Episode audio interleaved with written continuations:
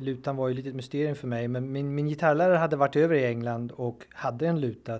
Så jag prövade lite på den och tyckte det var intressant. Eh, och så var det så att jag ärvde två gamla 1500-talspistoler av min farfar. Eh, som jag tänkte köpa en ny fin dyr gitarr för. Så att jag åkte till Göteborg och skulle skaffa den här nya fina dyra gitarren. Eh, men de som var där, det var den typen av gitarr som Julian Bream spelade på, så därför tyckte man att den skulle man ha. Men jag var inte så himla förtjust i dem, men istället fanns där en Ramirez-gitarr, eh, en spanskbyggd, eh, lite begagnad, men jag tyckte den lät väldigt bra. Och eh, det lustiga med den var att den var flera tusen kronor billigare, så jag fick över en del pengar. Och då hörde jag precis i den vevan att det var en luta till salu, så då köpte jag den lutan. Och så hade jag en gitarr och en luta och det var så jag höll på i några år med bägge instrumenten. Alltså.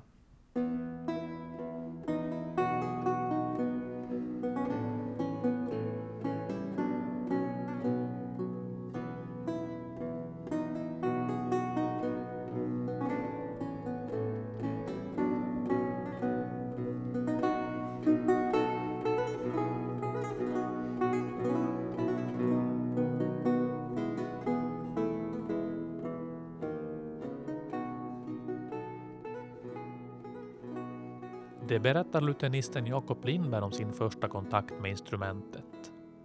Vid 14 års ålder började han studera gitarr för Jörgen Rörby och då var siktet inställt på en karriär som elgitarrist i ett rockband. Men ganska snart tog intresset för den klassiska gitarren över. Jakob upptäckte renässans och barockmusik och började även att spela luta vid 17 års ålder.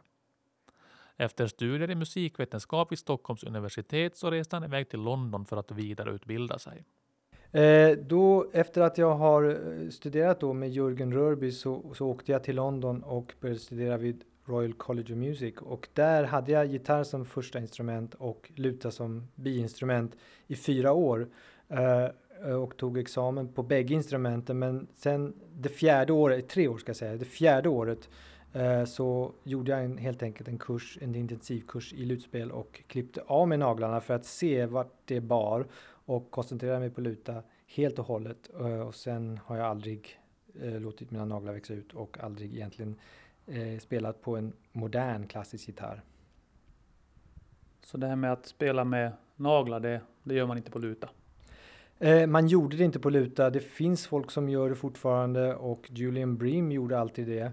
Eh, men man, när man läser de här gamla traktaten så pratar de ofta om att spela inte med naglar utan med fingertoppar för det är en levande yta. Det ger bättre reflektion av hur själen känns. Alltså den här det döda nageln är inte det man ska forma tonen med, eh, ansåg man då. Men det fanns väl kanske enstaka som använde naglar då också. Men det är en annan känsla att spela med fingertoppar och det gjorde man även faktiskt på gitarr. Um, eh, Fernando Sor, en av de finaste tidiga 1800-talskompositörerna, spelade utan naglar. Um, och Aguado Eh, som spelade med naglar var tvungen att ge med sig mot slutet av sitt liv och sa ja, min gode vän Fernando Sor han spelar med nag utan naglar. Det skulle jag också gjort om jag bara hade haft möjlighet att ändra mig, men jag använde naglarna. Så att eh, det är en annan känsla i anslaget helt enkelt och den är jag väldigt förtjust i. Men eh, jag säger inte att man inte ska använda naglar. Jag säger att jag vill inte använda naglar.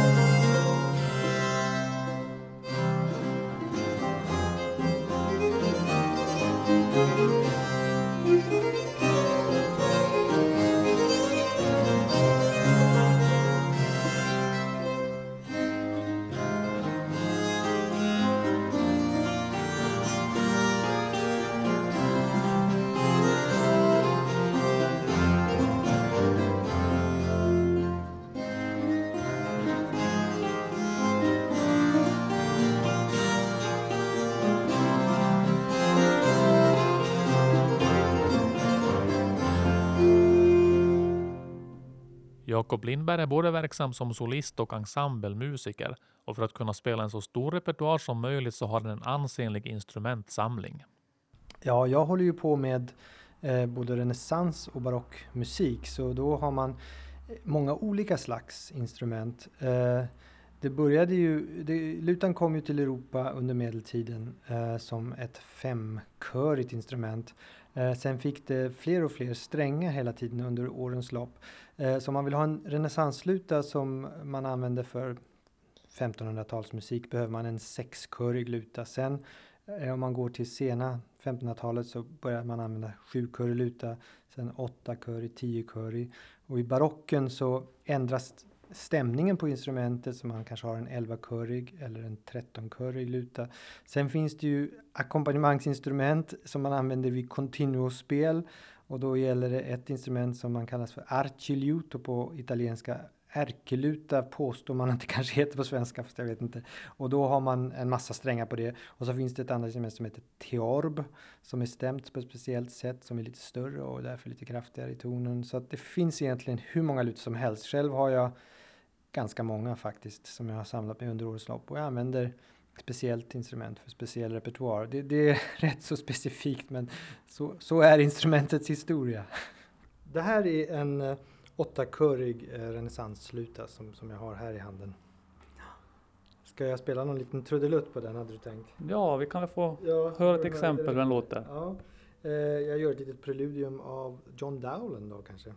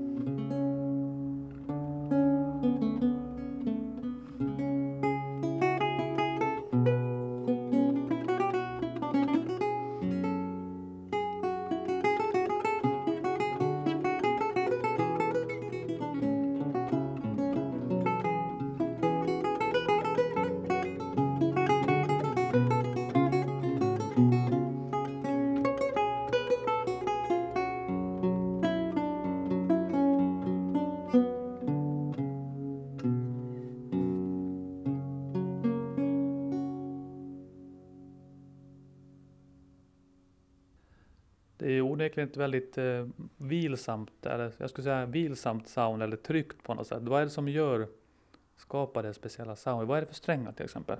Ja, det här är ju faktiskt nylonsträngar som jag har på det här instrumentet. Jag brukar ha det när jag gör konserter live så att säga.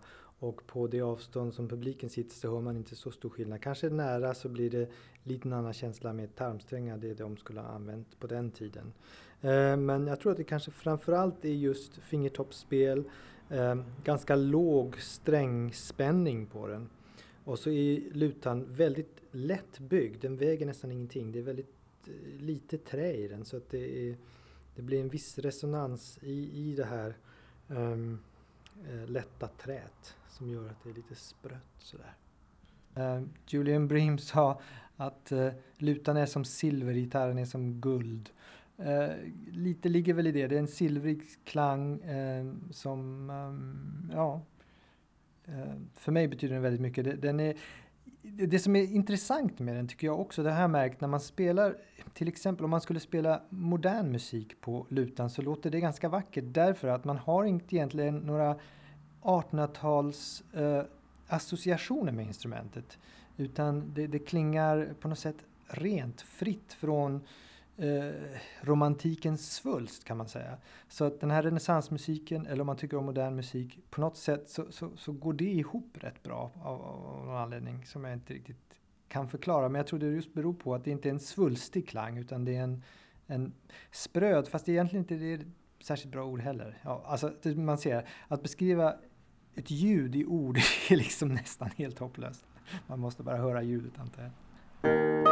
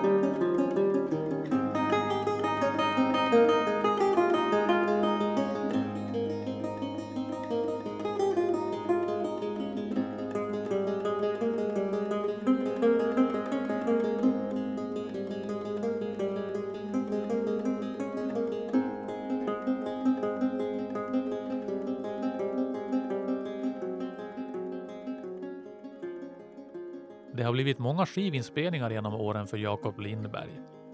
Han var den första att spela in John Dowlands samtliga solostycken för luta och hans inspelning av Johann Sebastian Bachs slutkompositioner räknas till en av de främsta i världen. Eh, vad jag ville göra med den inspelningen, naturligtvis, jag älskar ju musiken, eh, men jag ville visa hur jag tror att Bach hade tänkt sig den när han sa de här verken är för luta. För att eh, han spelar ju inte luta själv, eh, men han kände ju många lutinister. Och bland annat hade han ett möte med Sylvius Leopold Weiss som finns dokumenterat där de här två möttes och pratade och tydligen hade en väldigt fruktbar, fruktbart utbyte av varandra enligt de här källorna. Eh, och jag tror att eh, då blev eh, Bach inspirerad att skriva några av de här verken. Eh, eh, jag tror kanske Preludium Fuga Allegro och även eh, den här sviten i C-moll 997. Ehm, och jag har alltid funderat ända sedan jag precis började spela på lutan, hur, hur gör man med, med lutan eh, och Bach? Och eh, då går man då till det instrument som var samtida med Bach och det är just den här barocklutan. Eh, och om man tittar i de här källorna så finns det ju några få stycken som har blivit intabulerade, det vill säga arrangerade för luta av samtida lutinister. Um, samtida till Bach alltså. Och eh, där hittar man en del små fel i noterna och så vidare. Så det är ju en utmaning att ta sig an det här men eh, jag hade alltid i åtanke att, att göra det här någon gång i livet så då tog jag faktiskt ett eh, sabbatsår från min tillvaro i London och gömde mig i Sverige här ett år och jobbade på det här eh, projektet. Och eh, det var ju rätt intressant för man kom ju till många problem. Alltså vissa takter verkar helt omöjliga att spela eh, på, på luta. Men, men jag lyckades i alla fall arrangera det så att jag spelade alla de toner som Bach hade i avsikt att, att man skulle spela. Eh, och eh, rodde det där i land till sist. Eh, men det är ju bara mer som ehm, en, att visa hur, hur jag tror att det lät kanske i Bachs öron när han tänkte sig det på luta. Men, men han, han ändrade ju fritt mellan olika instrument så den här eh, partitan 1006 till exempel, den fanns ju för fiol också och preludiet använde han i andra sammanhang så han, han bytte friskt själv. Så att, eh, jag tror att jag tycker man kan spela det på, på vad som helst egentligen. Um, jag tycker det kanske är lite olyckligt det här med altgitarren eh, eftersom den verkar vara konstruerad som ett alternativ till lutan. Det tycker jag är fel, det ska det ju inte vara. Det, det är ett, ett nytt instrument som man har hittat på att utforma och så kan man spela vad man vill på det. Men, men eh, det som oroar mig det är när folk tror att det är så lutan låter, för, för det är det ju inte alls. Jag får ibland den här känslan av att när man lyssnar på en barock eller renässansmusik att, att sitter folk här och gissar bara. Så vad har man för belägg för att det verkligen ska låta som man spelar det? Ja, det är klart att det finns en ganska eh, bred marginal för gissning, men man vet ändå rätt mycket. Eh, jag tror att som mus musiker, som utövande musiker så ska man försöka samla så mycket kunskap om det här som möjligt. Eh, god repertoarkännedom eh, och förstå lite grann vad det var för instrument som gärna spelade ihop. Och, för att det ser man ju ofta när man ser på skivor och inspelningar och konserter att även i orkestreringen, alltså vilka instrument man lägger på vilka linjer, det finns det ju delade meningar om. Um, men eh, jag tror man vet rätt mycket och eh, jag tror att många gör rätt mycket fel faktiskt. men, men, finns det då så att säga eh, idag, jag menar, kan du peka på att du har liksom informationen från Bach via levande figurer som hela tiden har tagit över den och skickat stafettpinnen vidare? Nej, det är just så det alltså inte är, speciellt när det gäller lutan eftersom det är en bruten tradition. Så därför så måste man gå tillbaks till källorna. Och jag tror att det även gäller andra instrument och kanske framförallt sång egentligen. Eh, att, att det går inte bara att bygga vidare på den tidigare generationen för att det är ofta eh, eh, missförstånd som, som sedan eh, förstoras upp. Så jag tror att, att var, varje människa som håller på med det här eh, bör, alltså det, det, är spännande också, roligt att läsa om repertoaren och, och, och, studera uppförandepraxis helt enkelt. Och det finns många böcker som är utgivna om det där och, och eh, det finns ett ganska stort kunnande Eh, även om det, man skulle kunna lära sig mycket, mycket mer. Så det, det, det, det är en ständig, ett ständigt studium så att man, man vet aldrig eh, allt. Det kan man aldrig göra. Ofta är det så att ju mer man vet desto mer förstår man att man inte vet. Så det är spännande tycker jag. Själva inspelningen av seden med Johann Sebastian Bachs solostycken för luta gick ganska snabbt, men förberedelsearbetet var desto mer krävande. Ja, inspelningen gjorde jag ju faktiskt rätt snabbt egentligen. Eh, förberedelsearbetet var väldigt långt, men inspelningen tror jag gjorde på några dagar eh, på sommaren där, precis innan min dotter skulle, kom till världen. Eh, men eh, förberedelsearbetet var, var, var långt alltså. Och jag försökte också spela dem i konserter. För det märker jag ofta att man, man, eh, man lär sig styckena väldigt bra och man kan sätta dem i ett möte med en, med en publik. Eh, man förstår styckena bättre ofta då. Det, det, är inte bra att bara sitta i sin kammare över utan man, man ska gärna liksom ge den utbyte med andra åhörare.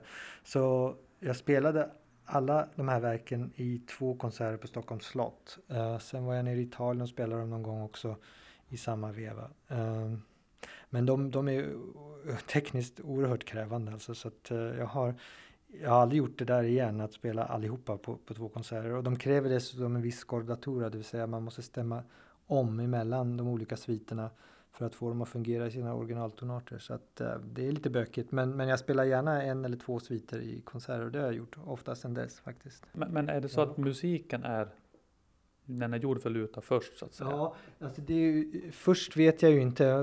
Men, men vissa av de här verken är, är nog uh, först för luta skulle jag tro. Jag tror att eh, sviten i C-moll 997 den var nog luta, det tror jag. Preludium Fuga Allegro i S-dur, där står ju faktiskt i Bachs egen autograf eh, eller handskrift att den är för luta eller cembalo. Eh, Preludiet i C-moll finns ju också för, för keyboard. Fugan i G-moll, i den här eh, versionen som jag spelar in, den är för luta. Fast han har använt den för orgel och även för fiol. Och som sagt sviten i E-dur som är, är känd som partitan för violin.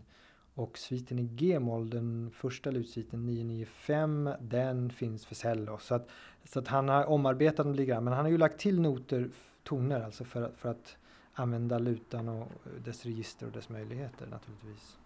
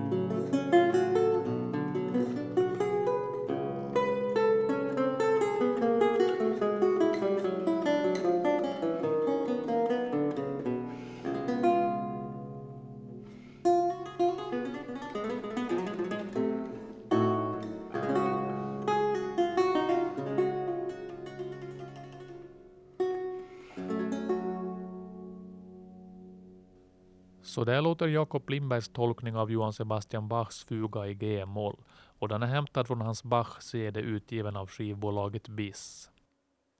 Vid sidan av sitt solospel ägnar sig Jakob Lindberg gärna åt att ackompanjera rösten. För närvarande samarbetar han med sångerskan Anna Emilsson. De framför bland annat musik av John Dowland men även av Carl Michael Bellman och då på originalinstrumentet Citra. Ja, just det. Jag eh, eh, köpte på en auktion i London faktiskt eh, ett instrument, en Citra, och det var ju det instrumentet som Bellman spelade.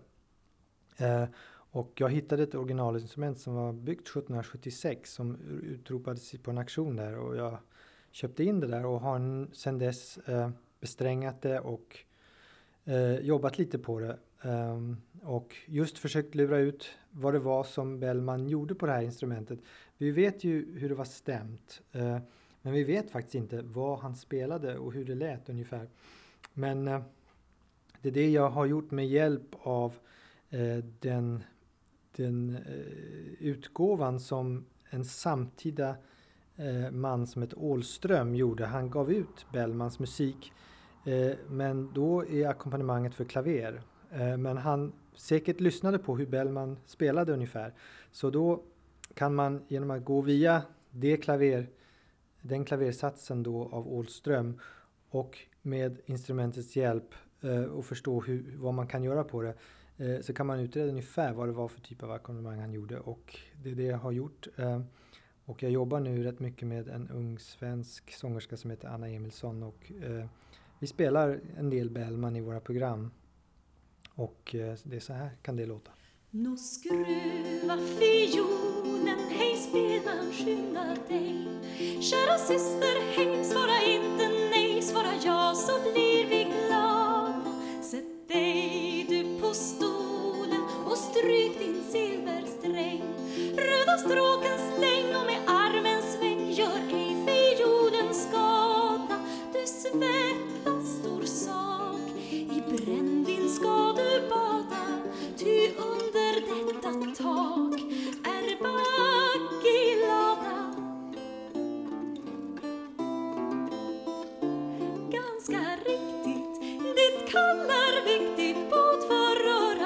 see.